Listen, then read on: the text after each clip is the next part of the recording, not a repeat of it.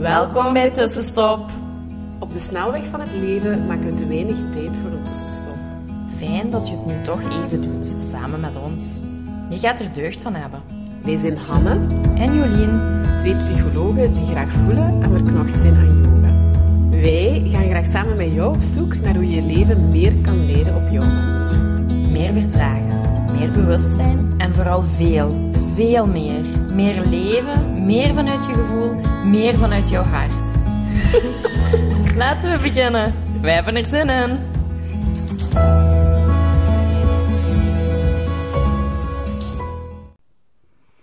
Hallo, hallo. Het is hier Jolien. Deze week een aflevering zonder Hanne. Ehm, want mama zijn, daar komt soms dan iets tussen. Als je dochtertje haar voet klinkt. En dat is helemaal oké. Dus deze week hebben we afgesproken dat ik de aflevering voor mijn rekening hou. Ehm, en dat vind ik langs de ene kant wel heel fijn. Want we zijn heel goed op elkaar afgestemd. En beide proberen we heel veel ehm, een mindset te, te cultiveren in onszelf om in mogelijkheden te denken. Wat maakt dat we aan elkaar wel heel veel kunnen vragen ehm, en ook heel duidelijk zijn naar elkaars grenzen. En dat niet persoonlijk nemen of daar niet in gefrustreerd raken, maar gewoon uh, go with the flow en dat kunnen accepteren dat leven soms wat curveballs gooit. Ehm, en dat, ja, dat we daar proberen zo positief mogelijk mee om te gaan. Dus deze week ben ik het alleen. Uh, die curveballs zijn nogal uh, richting ons online traject ook gekomen, want ik merkte dat de inschrijvingen niet zo goed uh, niet ging. Het knopje ontbrak precies. dat heb ik dus gemaakt. Daarnaast hebben we ook een, een leuke download gemaakt um, met enkele tips op voor te ontspannen, een tussenmoment te nemen, een tussenstopmoment te nemen um, gratis voor jou. Je kan uh, dat downloaden via um, onze Instagram of Facebook. Um, en dan krijg je sowieso een gratis yin-yoga les erbij en een meditatie. Dat staat in die download. Je moet gewoon, uh, als er online les staat, online yoga les, op het venstertje ervoor klikken of bij de meditatie ook het venstertje ervoor klikken en dan krijg je dat gewoon gratis en voor niets. Daarnaast um, kan je dus inschrijven voor onze meditatiecursus. We zijn heel veel bezig met de opnames en dat is ja, super leuk. Heel, uh, heel veel energie komt er te stromen. En ja, heel veel mooie momenten ook. Um, dus ja, schrijf je in. Als je meer info wil, um, ga naar de site www.jolienlammens.com of stuur ons een berichtje. Dat is super tof. Dan de aflevering voor vandaag. Ik ga verder op het volhouden. Het worstelen met dingen volhouden.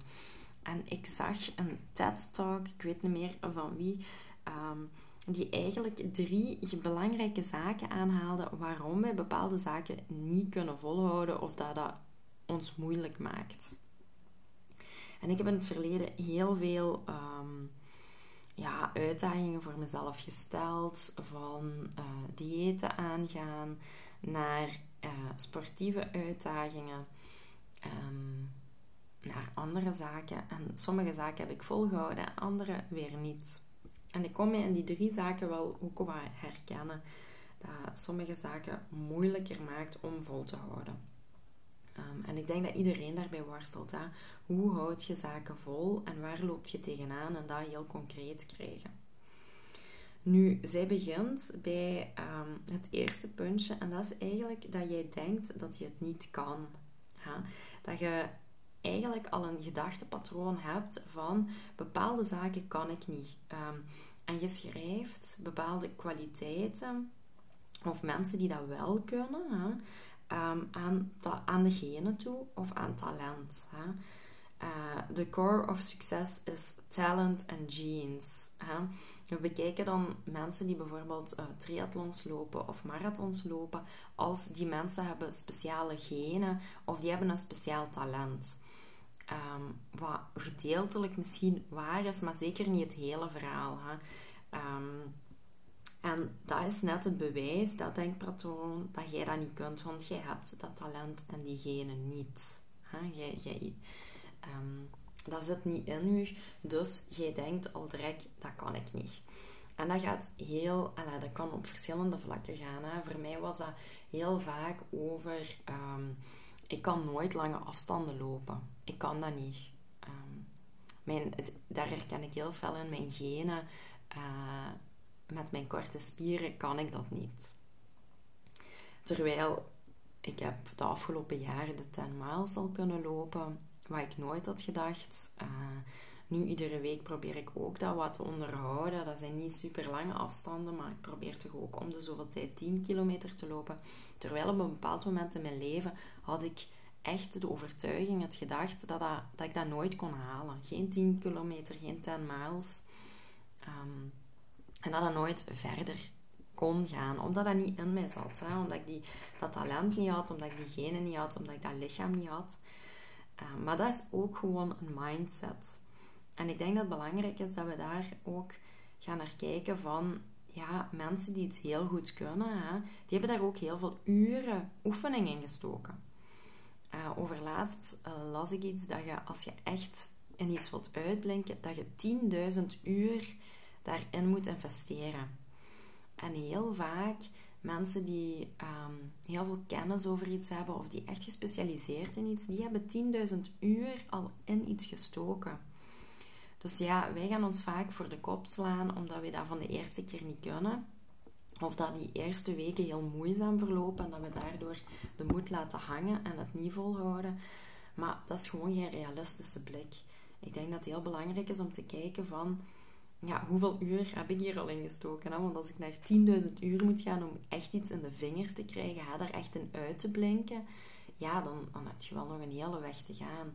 En dat is ook oké. En vaak die gedachte van ik kan het niet, of ik denk dat ik dat niet kan, dat dat niet in mij zit, dat we die gedachte ook proberen een beetje te ontrafelen en zeggen van ja, maar er is ook veel meer dan gewoon genen en talent. Ehm, en dan komen we bij die growth mindset, hè, die groei mindset. Um, er zijn heel veel mogelijkheden om te leren. Uh, want ik dacht dat ik ook nooit een loper ging worden, of dat ik daar nooit zou geraken. Maar mijn lichaam heeft ook geleerd dat dat wel kan. En ik heb mijn mindset ook een beetje moeten ombuigen om te zien van ik kan dat wel 10 kilometer lopen en ik kan dat wel de 10 miles uitlopen. Er is niks dat mij tegenhoudt. Uh, dat is misschien in vergelijking met iemand anders een ander parcours, maar ik kan dat. Ja, of die mogelijkheid is er dat dat, dat, dat zou lukken. Als je zoiets hebt van ja, maar misschien kan ik dat effectief niet ja, probeer het eens te bekijken van misschien is de mogelijkheid er wel dat dat kan lukken. Dan, het tweede puntje waar mensen tegenaan lopen is dat je het idee hebt van mensen zoals ik doen zo'n dingen niet. Ja? Mensen zoals mij zijn geen lopers of zijn niet sportief. Of mensen zoals ik, ehm, zoals ik vroeger was, doen niet aan yoga. Of dat is veel te zweverig alle mensen zoals ik doen zo'n dingen niet. En dat gaat over identiteit. Ehm, en onze, wij gaan ons identificeren met bepaalde mensen rondom ons heen. En die mensen die gedragen zich ook zoals wij ons gedragen. En dat is eigenlijk wat binnen uw comfortzone. Ja? Ehm, als we puber zijn, vormen wij onze identiteit en wij nemen bepaalde zaken van anderen over. Heel vaak gaat dat over onze omgeving. Hè. Ze noemen dat identity fracturing. Dat is eigenlijk het overnemen van andere stukken van anderen. Uh, overnemen en daar gaat je je identiteit van maken. In het begin gaat je heel veel identificeren met anderen en gaat je heel veel zaken overnemen. En dan doorheen de pu puberteit um, en jongvolwassenheid gaan wij bepaalde stukken voelen van oh, dat past niet, niet meer bij mij of dat past toch niet bij mij. En dan gaat je dat ook loslaten. Dat kan soms ook een heel moeilijk proces zijn um, voor dat los te laten. Hè? Want bijvoorbeeld, je maakt heel goede vrienden ehm, in je puberteit met ehm, mensen die sportief zijn, maar daarnaast misschien ook wel drugs gebruiken. En dat drugsgebruik, of dat heel, heel veel alcoholgebruik, dat past toch niet zo met je identiteit. En dan moet je die vriendschappen misschien ook wel loslaten. Dus dat maakt het soms moeilijk om bepaalde zaken los te laten. Maar uiteindelijk vormt zich er een identiteit waarmee je, ehm, ja, waarmee je akkoord gaat, hè, die je gevormd hebt en die iets over je zegt. Hè. Zijt je een creatief persoon? Zijt je een sportief persoon? Um, van wat geniet je? Wat doen je vrienden? Welke kleren doet je? En eigenlijk heel veel zaken die je identiteit bepalen of waar jij voor kiest. Um, en uw brein gaat zoveel mogelijk doen om die identiteit die zich gevormd heeft te beschermen. Dus daar zitten we in die comfortzone. We blijven graag in de comfortzone omdat dat veilig is, omdat onze hersenen ook um, de functie hebben om ons te beschermen. En dus die bescherming van identiteit, dat maakt dat we bepaalde zaken niet gaan doen. Of niet zo makkelijk gaan doen en zeker niet volhouden.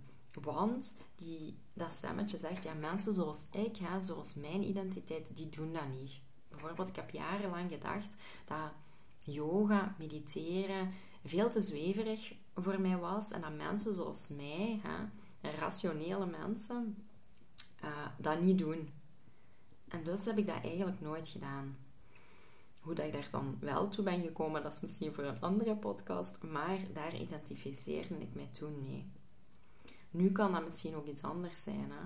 Um, dat ik bepaalde zaken denk van uh, mensen zoals ik, hè, de zelf, mensen die bezig zijn met zelfontwikkelen, met um, yoga, met mediteren, met meer bewustzijn, uh, doen andere zaken bijvoorbeeld niet. Daar gaan ook blokkades op zitten. Maar ik denk dat het belangrijk is om te kijken van, ah ja, hoe, waar, welke identiteit neem ik mezelf aan? Welke identiteit is er in mij gevormd? En wat doe ik niet, wat ik eigenlijk wel zou willen doen, maar komt die gedachte van, ja, mensen zoals ik doen zo'n dingen niet. Ja? Ehm, voor mij was dat ook heel persoonlijk van op social media zichtbaar worden, hè? online zichtbaar. Ik wou heel graag zelfstandige, um, zelfstandig beginnen en dat beginnen uit te bouwen. Maar dat online zichtbaar zijn, dat vond ik wel een stap, een moeilijkere stap, want ik wil graag mensen helpen, maar ik wil ook niet zo heel commercieel overkomen en dingen niet altijd verkopen. Terwijl dat ik wel ook vond van, um, ja, maar yogalessen, dat helpt echt mensen. Ik moet daar meer reclame voor maken. En ook in de toekomst um, één op één coaching en nu dat online meditatieprogramma. Ja, dat, daar botste dat wel wat mee van hoe ga ik dat tot bij mensen krijgen of hoe gaan wij dat weer wat promoten. Want dat ging precies niet samen bij de identiteit van hulpverlener, van yogi, ja, van goed doen. Ja, um, dat, dat hoort er ook natuurlijk bij dat geld soms wel ook een groot taboe is. Maar dan is het ook heel belangrijk om te kijken van ja, bij, bij welke mensen identificeert je u of kunt je identificeren? Uh, en doen dat toch. ga die uitdaging wel aan. Welke, bij welke mensen identificeert je die toch dat gedrag stellen dat jij ook wilt stellen of dat gedrag dat jij wilt volhouden? En u daarmee omringen. Want daarbij gaat u herkennen hè, uw identiteit herkent zich bij diegene, bij die personen, maar die staan al een stapje verder. Hè. Ik geloof heel hard dat jij je moet omringen met de juiste mensen. Met mensen die al een beetje verder staan of die je inspireren, die je uitdagen. Maar waar je je ook wel bij identificeert. Hè. Uh, daarom heb ik me ook heel snel ingeschreven voor een online zichtbaarheidstraject. Uh, bij iemand die even oud is als mij, ook bewust in het leven staat. Um, en dat vond ik belangrijk, want ik kon mij daarbij identificeren en die was al zoveel verder dan mij. Wat maakt dat je makkelijker, dat je niet gaat denken van, ah, mensen zoals ik doen zo'n dingen niet. Nee, dat is ook een mens zoals ik en die doet dat wel. Dus dat gaat dan makkelijker. Uw brein gaat er minder weerstand tegen voelen. Wat maakt dat makkelijker is om vol te houden. Dus hierbij misschien belangrijk om eens te gaan denken van ehm, welke zaken wil ik wel doen, maar houdt mijn brein mij tegen omdat ik denk dat, mensen zoals ik dat niet doen. Uh, voor mij heeft dat wel ja, heel veel gedaan om mij dan te omringen bij mensen waarbij ik mij wel identificeer, die eigenlijk gelijkend zijn aan mij, maar die dat wel doen. Ja? Dus als jij um, wilt hardlopen en je denkt van ja, mensen zoals mij doen dat niet, ja, wij zijn geen lopers, ja, ga toch maar eens kijken in je omgeving of in uw brede omgeving op social media van um, welke, bij welke mensen identificeer ik mij en doen die dat wel? Want daar wil ik mij meer mee omgeven. Het derde en laatste puntje is You Don't Want It. En dat gaat eigenlijk over um, uw interne en externe motivatie. Vaak stellen we doelen omdat onze externe omgeving dat op ons opdringt, dat kan zijn, of verwacht van ons. En is dat niet echt uw eigen verwachting? Hè? Is dat niet echt intern van uzelf gekomen? En ja, dan is het ook super moeilijk om vol te houden. Hè? Uh, ik herken dat heel fel. Ik heb heel lang, ieder jaar stel ik voor um, gans het jaar nieuwe doelen. Persoonlijke, maar ook carrière doelen.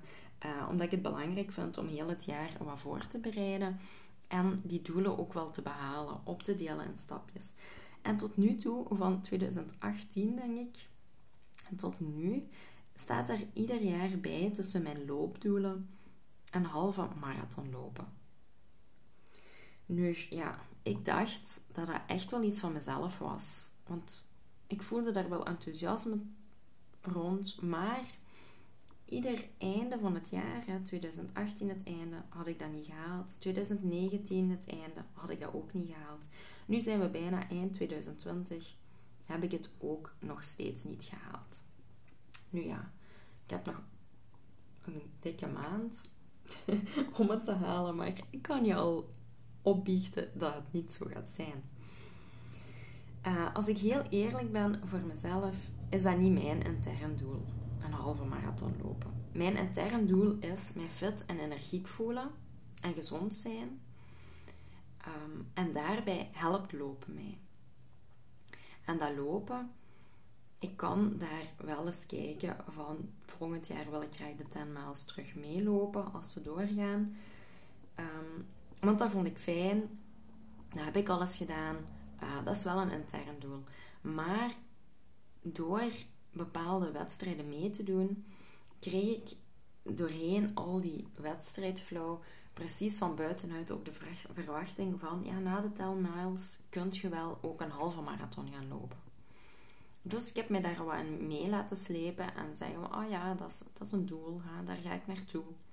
Terwijl dat is niet echt van mezelf gekomen, dat is vooral van buitenaf gekomen.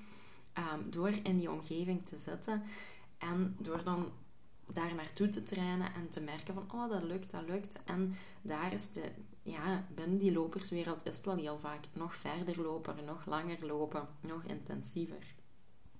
Dus heb ik dat heel, heel veel jaren meegenomen in mijn doelen van dat jaar. Maar ik heb dat niet volgehouden. Ik heb het lopen wel volgehouden op mijn manier, maar ik heb dat doel nooit gehaald.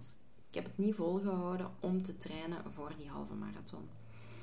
En als ik heel eerlijk ben, dat is ook mijn doel niet. Dus voor 2020 ga ik dat, voor 2021 ga ik dat niet meer opschrijven. Um, ga ik eigenlijk echt wel kijken van wat zijn mijn interne doelen. Hè? Welke doelen komen vanuit mezelf en minder vanuit de omgeving. Want dan kunnen we die niet volhouden. Als dat van externe motivatie is, hè? de omgeving verwacht dat, of um, extern wordt er zo'n beetje gepusht of je neemt dat makkelijker over vanuit externe invloed, dan gaat je dat niet kunnen volhouden. Het is heel belangrijk om te kijken van wat wil ik intern, wat, wat zit er in mij wat ik heel graag wil. En dat opdelen in stapjes en dan gaat dat wel lukken om vol te houden. Dat waren de drie puntjes. Ik heb ze voor mezelf opgeschreven en ja, wat over gereflecteerd van welke doelen, wat wil ik eigenlijk, was uit mijn, uit mijn comfortzone en waar bots ik wat tegenaan en wat vind ik moeilijk om vol te houden en waaraan zou dat liggen. En misschien is bij puntje 1 hè, dat je niet denkt dat je het kunt, dat je het toeschrijft aan talent of genen van anderen, wat echt een denkfout is. Maar ook dat je identiteit er nog niet bij past. Dus omring je dan met mensen die dat wel doen en waar jij je al bij identificeert. En ook misschien is het gewoon geen doel vanuit jezelf. Is het geen interne motivatie. En heb je het gewoon overgenomen door verwachtingen, door je omgeving, dat je dacht dat dat wel iets voor je was. Dus reflecteer hier eventjes over na en hopelijk heb je iets aan de tips. Je mag dat altijd laten weten via onze Instagram, via de Facebook van mij en Hanna. Ehm, en je mag ook altijd de afleveringen delen uh, waar jij iets aan hebt gehad. Zo kunnen we nog meer mensen bereiken. Um, en dat zou super fijn zijn. Moest je je willen inschrijven voor onze online cursus, doe dat ook. De inschrijvingen lopen normaal nu vlotjes. Moesten er toch missingen zijn, stuur een berichtje. Dan kunnen we er iets aan doen. Dan hoop ik jou volgende week weer uh, als luisteraar erbij te hebben. Bye bye! Dankjewel voor het luisteren. Laat ons weten wat jou geïnspireerd heeft en welke tips en tricks jij gaat toepassen. Je doet ons heel veel plezier met onze tag op Instagram. En een review achter te laten. Tot de volgende keer.